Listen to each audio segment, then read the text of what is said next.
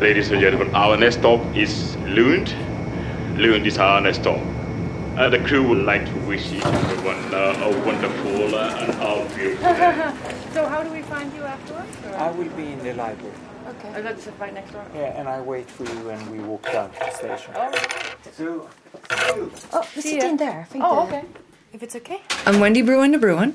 Um, I hold a leadership chair in behavioral decision making at the University of Leeds, uh, where I also co direct the Center for Decision Research, which is a university wide center in which we study how people make decisions about risks. So I did my um, undergraduate work and a master's degree in psychology in the Netherlands at the Free University in Amsterdam. Then I moved to the United States for graduate school, so I got my PhD in behavioral decision making at Carnegie Mellon.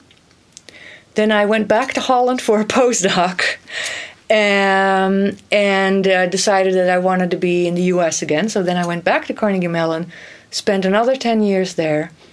And so that's why you hear a mix of Dutch and American accent when I speak. My project looks at how people of different ages would like to receive information from their healthcare professionals. In this project, we focus on the types of evidence that healthcare providers use when they make decisions about how to treat patients. So, for example, do they use um, scientific evidence based on randomized controlled trials, or do they uh, use um, evidence based on their proven experience, or perhaps a combination of both? Right? That's what the project looks at.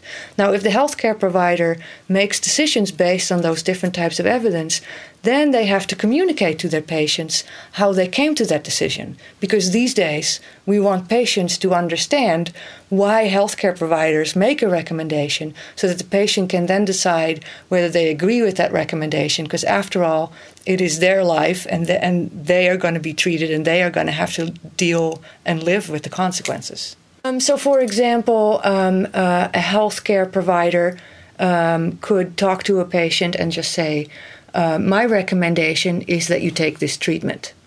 So, that would be a recommendation without any evidence. If they, they can also provide their recommendation uh, with scientific evidence based on randomized controlled trials. So, they could say, My recommendation is that you take this treatment based on randomized controlled trials, we know that X percent of patients have successful outcomes when they take this treatment. Another example could be that the healthcare professional provides the recommendation on the basis of their proven experience. So then they might say, for example, I recommend this treatment uh, because based on my experience, um, it is the case that patients who take this treatment uh, have better outcomes. So those different styles of communicating uh, different uh, types of evidence can be more compelling for patients of different with different backgrounds. So yeah, my my research looks at um, how people make decisions about risks, and I've become interested in age differences in making decisions about risk.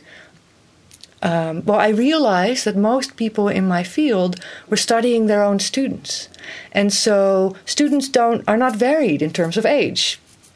And um, I had the opportunity to um, study a national sample, and found that in that national sample there were age differences in decision making, and they were surprising to me because I had perhaps naively assumed that decision making is very cognitive, and because with age, cognitive ability declines. It starts at age 21, so we're all, uh, many of us may already be affected. Um, and so I assumed that decision making would be harder as we got older.